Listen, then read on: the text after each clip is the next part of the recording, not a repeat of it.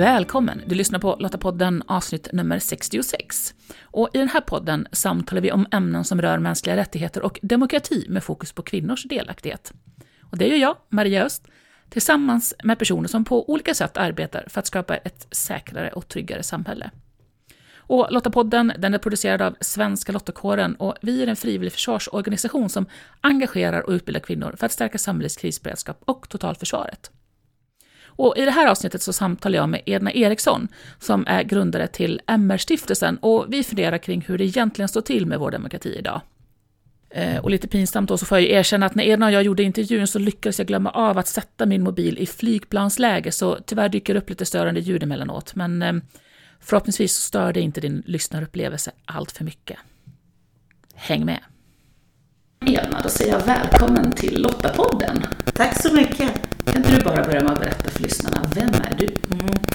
Jag är en väldigt yrkesschizofren person eh, och hade det varit en diagnos hade jag haft den. Men man kan säga så här att jag är en gammal journalist som eh, skolade om mig eh, till det och sen så har jag varit tjänsteman och suttit vid de stora departementen och myndigheterna å ena sidan. Haft en stor fot i det frivilliga, civila samhället på många olika sätt.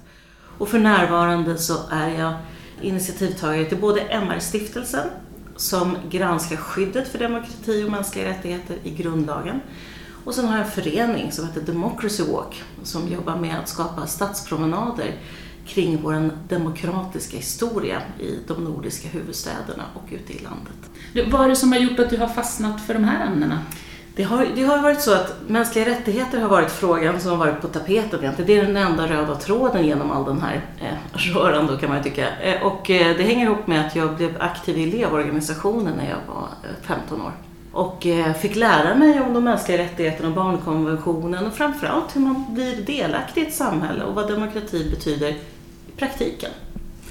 Så där någonstans så blev jag utbildad av människor yngre än mig, 13-14-åringar, som de här frågorna på kartan. Och sen dess har det alltid varit en del av mitt liv och det var det egentligen innan också. Men mm. där fick det ta plats och form. Mm. Så, så det är där jag har rotat runt. Så det var där det började. Och varför tycker du då att det är så viktigt att vi behöver prata om de här frågorna? För att eh, de är eh, själva spelreglerna för ett civiliserat samhälle i fred. Demokrati och mänskliga rättigheter är själva värdegrunden men också, förutom då spelreglerna, sättet som vi kan leva tillsammans och ha konflikter. Mm. För det måste vi ha. Vi är jättemånga människor, både om det är i en familj eller i en förening eller om det är i ett samhälle i stort och i världen i stort. Och eh, det här har alltid varit viktigt för mig att titta på hur det fungerar i praktiken. Mm. För det är en sak att ha massa teorier och det finns mm. hur mycket figurer som helst kring det. Eh, men för mig har det varit liksom en del kunskap och en del handling. Mm. Eh, annars så, så liksom, eh, blir det bara tomma ord. Ja. Och hur ser det ut då? Mm. Hur bra är vi? alltså det är så spännande med Sverige för vi har en så lång demokratisk historia, så som alla länder. Det här kommer ju naturligtvis inte från ingenstans, mm. dimper ner.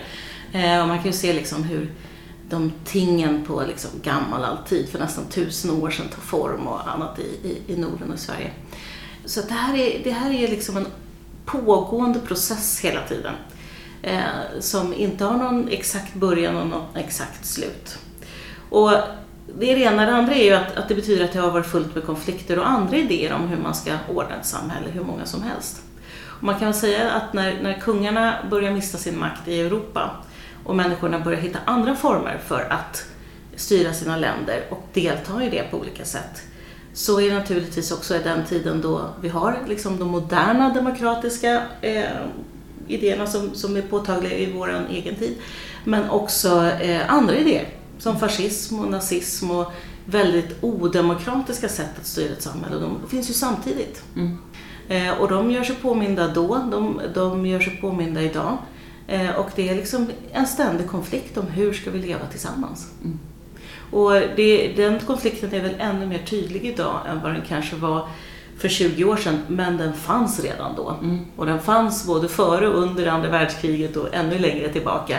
Eh, så det här är en konflikt som har funnits långt innan du och jag föddes och mm. kommer fortsätta långt efter att vi inte finns längre. Mm. Det, det, är liksom, det blir ju aldrig klart och färdigt och nu är det fixat utan vi bara en dimper ner mitt i det här i en viss tid och just nu är det väldigt stökigt runt om i världen men också väldigt hoppfullt. För det är lätt att liksom tänka att det är, nu går jorden under eller, eller allting är okej. Och det är ju aldrig vare sig det ena eller det andra utan det är alltid både och. Mm. Och hur menar du att, eh, att liksom konflikterna har tagit lite mer kraft och plats Mm. idag? Det har, eh, en, den viktigaste eh, dimensionen av det är att de här idéerna som inte är demokratiska börjar ta plats i valda parlament.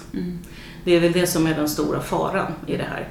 Eh, för då har man faktisk makt, makt att ändra ett samhälle och att avdemokratisera eh, demokratier som faktiskt funnit liksom, eh, På demokratisk väg? Ja, på, dem, på demokratisk. Och så har det alltid varit. Så var det med Mussolini och så var det med Hitler och så var det med Stalin och alla de här. Det, det, alla har tillkommit demokratiskt från början. Mm. Eh, och, och med stöd, inte bara av sin egen kraft utan också stöd av andra demokratiska partier. Mm. Så det är först där det finns en tipping point och det är därför som det är så farligt när vi normaliserar icke-demokratiska idéer och ger det makt och kraft i valda parlament. För då, då finns det en risk att vi förlorar det som vi kämpat så hårt för att kunna få. Och vad kan vi göra då som individer för att motverka? Om vi nu känner att vi vill ha kvar den demokratiska grundvärderingen som jag verkligen hoppas att Ja, vi alla vill. Ja. Ja. En av de viktigaste sakerna är ju verkligen att ta man måste ha makt för att göra det. Så den, den första frågan är att man måste gå med i ett politiskt parti.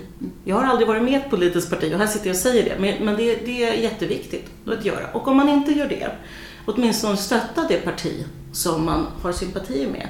Eh, och det tredje är att vara med i det civila samhället och organisera sig i vilken förening som helst som jobbar med de här frågorna. Eftersom eh, det är ju en viktig frihet vi har att kunna organisera oss.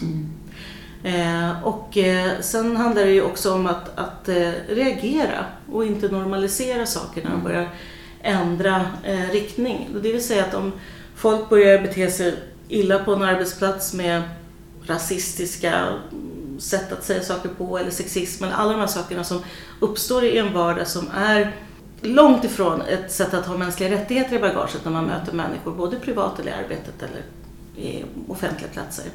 Så det är viktigt att aldrig eh, blunda och, reagera när de sakerna händer och ha strategier för att agera när det händer. För att det är den tystnaden som, som sen är livsfarlig, förutom att, att, man, att eh, de här krafterna får politisk makt.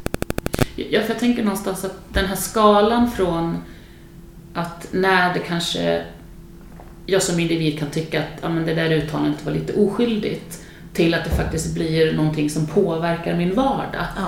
Det gapet kan ju bli väldigt, väldigt stort om jag inte reagerar från början. Mm. För jag tänker att annars kan ju överträdelserna bli lite större och lite större och lite Ja. större och då blir det den här normaliseringsprocessen. Ja. Och det är ju så det går till i alla sådana här system. Eh, och det, så det, en del är ju den faktiska makten och det är den makt som vi som medborgare sanktionerar genom att vi röstar på den eller sympatiserar med den eh, och så. Men det andra är också den makt som vi har själva som människor.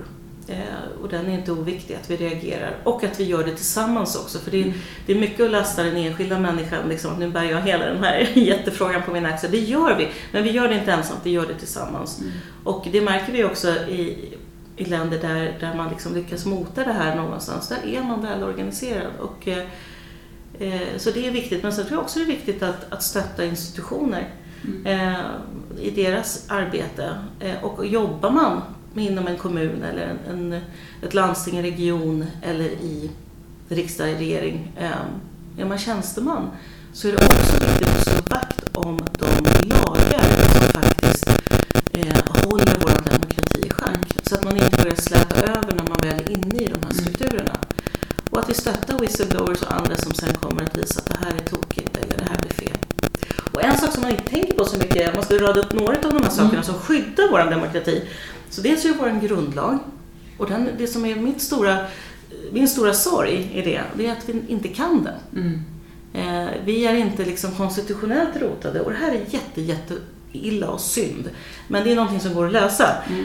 Eh, och, och, det är ju att liksom, vår demokrati är byggd på dels vår egen demokratiska historia och i den så ligger också eh, att vara med i FN, de mänskliga rättigheterna och alla tilläggskonventioner som, som liksom är, är viktiga här.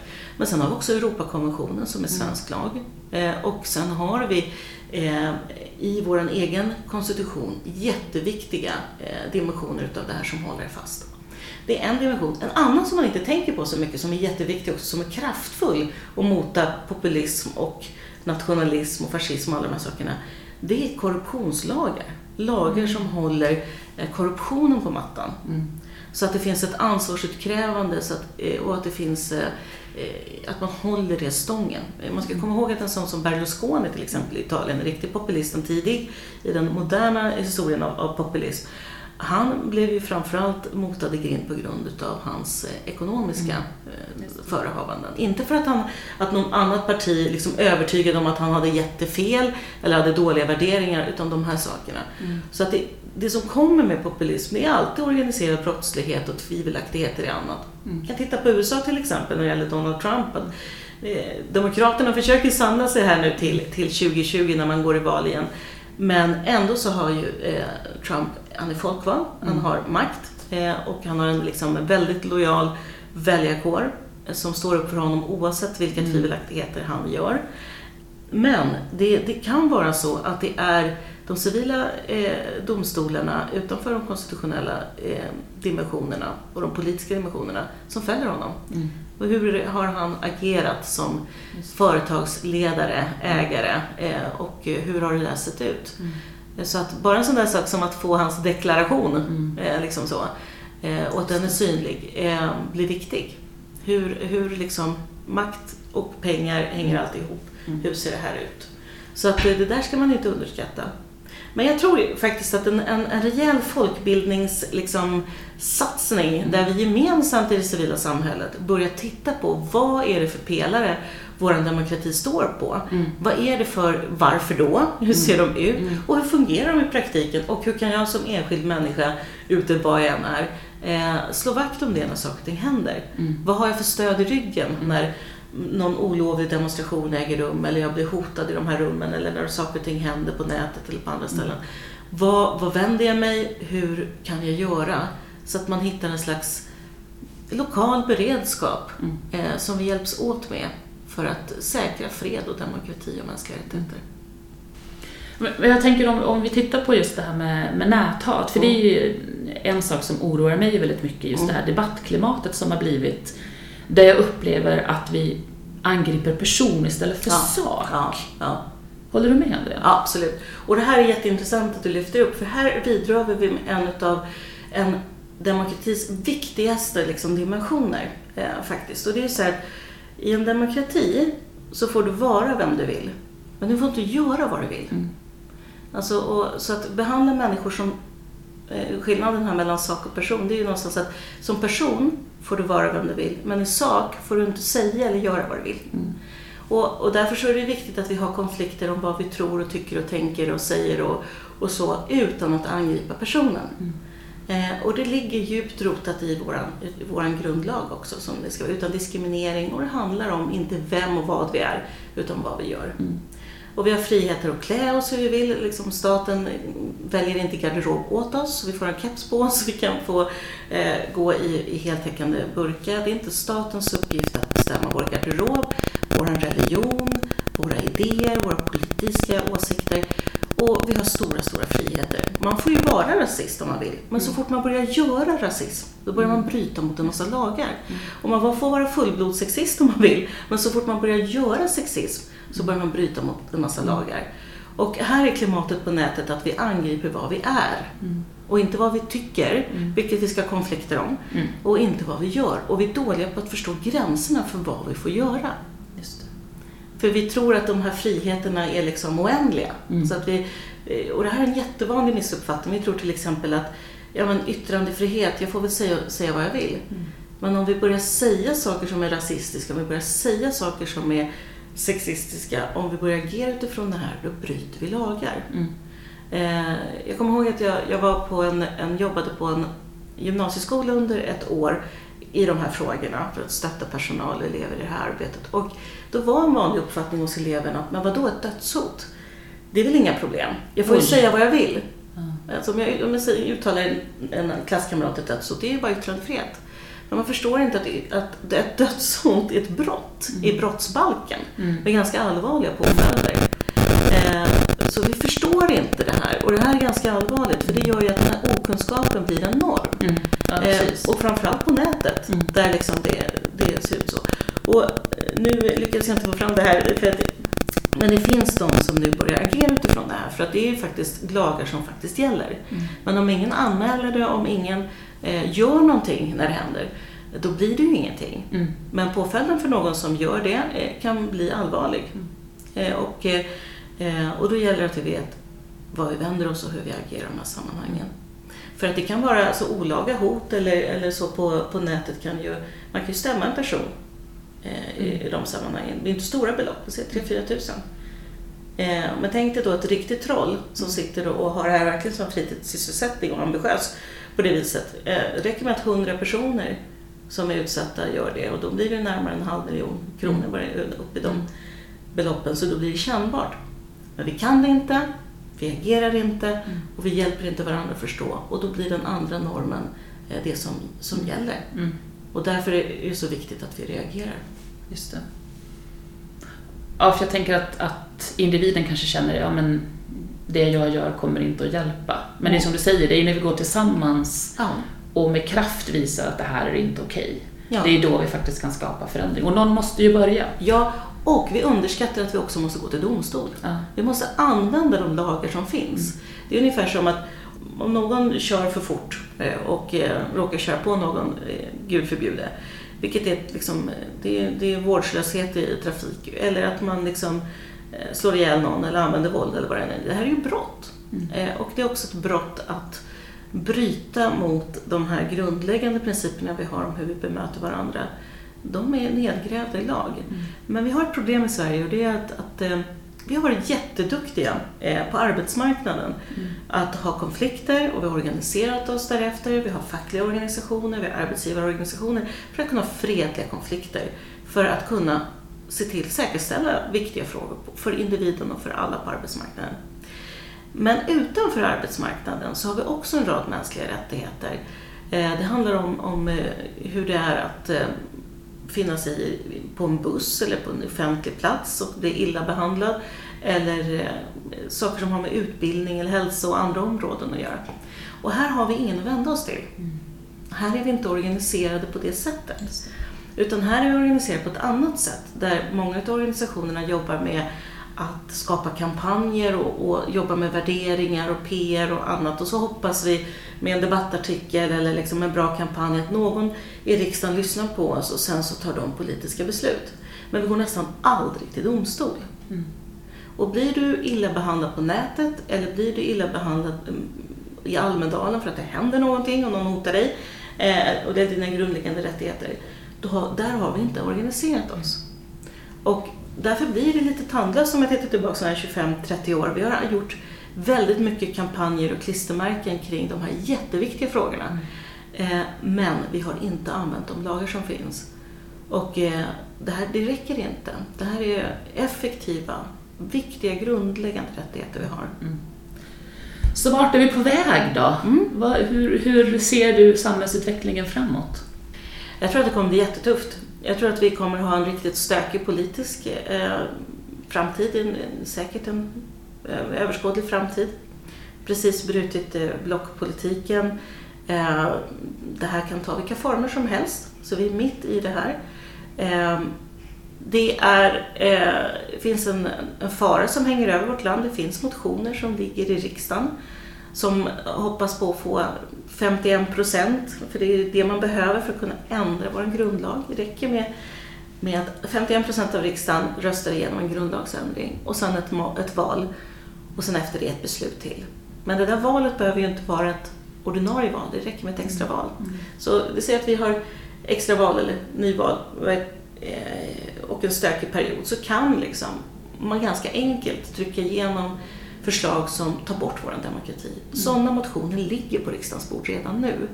Eh, och, och det är farligt. Å andra sidan så är det så att eftersom de här frågorna alla är uppe på tapeten och vi har ett EU-val snart och så, så skapar det också motkrafter. Och motkrafter som nu måste i ett mycket skarpare läge hitta former för att kunna vara ett, ett reellt motstånd. Så att gårdagens motstånd kommer inte räcka. Och sen finns det saker som vi har gjort förut som är riktigt fiffiga, som det gäller att gräva fram. Eh, men i det här så finns det också något väldigt hoppfullt. Och det kan man ju se som i länder som USA där, där frågan är väldigt polariserad och, och, aktuell. Det är jättespännande att se de nya personerna som tar plats i det politiska eh, etablissemanget som hävdar helt nya saker och står upp för dem och organiserar sig. Och också i det civila då, från Women's March till de ungdomar som efter skolskjutningarna driver vapenfrågan och är liksom vad vapenlobbyn i USA var för, för 30 år sedan, så är det de som organiserar sig idag. Så vi kommer se effekter utav det här. De tar plats. Mm. Eh, och det börjar i den enskilda människan, det börjar med när lilla kvarteret gör någonting. Eh, ta sånt som Greta mm. Thunberg. Hon är ju en individ, men hon är en del av en mm. rörelse. Inte en formell rörelse, men i den här människor som tycker och tänker någonting annat. Så vi, så vi är ju mitt i det och eh, bara hoppas på att, att eh, de krafterna också tar parlamentarisk makt eller färgar den politiska mm. makten så mycket. Men vi är mitt i det här mm. och, och, det kan gå åt varje håll men det är en, det är en intressant tid och hoppfull. Mm. För jag tycker man är mer på fötter och mer genomtänkt idag i den rörelse som, som dyker upp än vad det var för 20 år sedan. Det låter ju fantastiskt härligt i alla fall, att vi inte är totalt mörker utan att det hela tiden finns människor som faktiskt vill skapa förändring. Och det uppmanar vi ju verkligen lyssnarna till att, att göra, som du sa i början. Gå med i en förening, engagera dig, driv dina frågor helt enkelt. Absolut, och jag tror också att, att det är Lotta Kåren som har en sån gedigen fredsbevarande grund i sin rörelse och som också funnits under väldigt lång tid har mycket att hämta ifrån sina erfarenheter att vara en väldigt relevant spelare i det här samhället. För det handlar inte bara om nya rörelser, utan det handlar om de rörelser mm. som tillsammans gör någonting annat.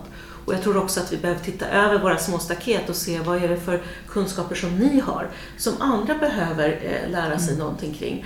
Hur kan man samverka, både lokalt och nationellt, mellan olika eh, grupperingar för att gemensamt göra det här? Mm. Eftersom inte var och en av oss kommer klara av det mm. enskilt. Så att jag, där tror jag liksom att, att ert arbete är relevant, det är spännande och det är fullt med möjligheter. Mm. Tack så jättemycket Anna för den här stunden. Tack så mycket. Jag hoppas att du har gillat det här samtalet precis lika mycket som jag. Så jag gillar verkligen att prata om vårt samhälles grundvärderingar, demokrati och mänskliga rättigheter. Och jag gillar att höra andras åsikter och pröva dem mot mina.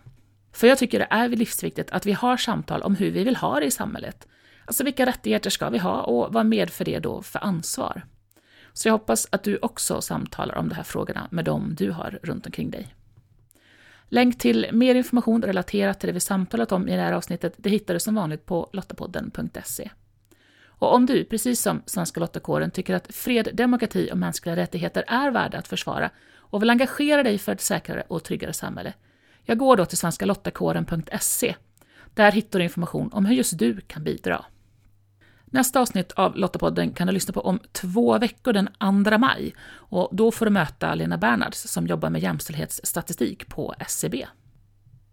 Det är precis som du säger, det är ett väldigt brett ämne, för det innefattar ju allt som rör individer. Så att det handlar ju om, det är ju befolkningsstatistik, det är arbetsmarknadsstatistik, det är lönestatistik, inkomststatistik, utbildning, hälsa. Det innefattar kort sagt allt mm. som rör oss som människor. Man kan med hjälp av jämställdhetsstatistik egentligen berätta om människors liv från vaggan till graven.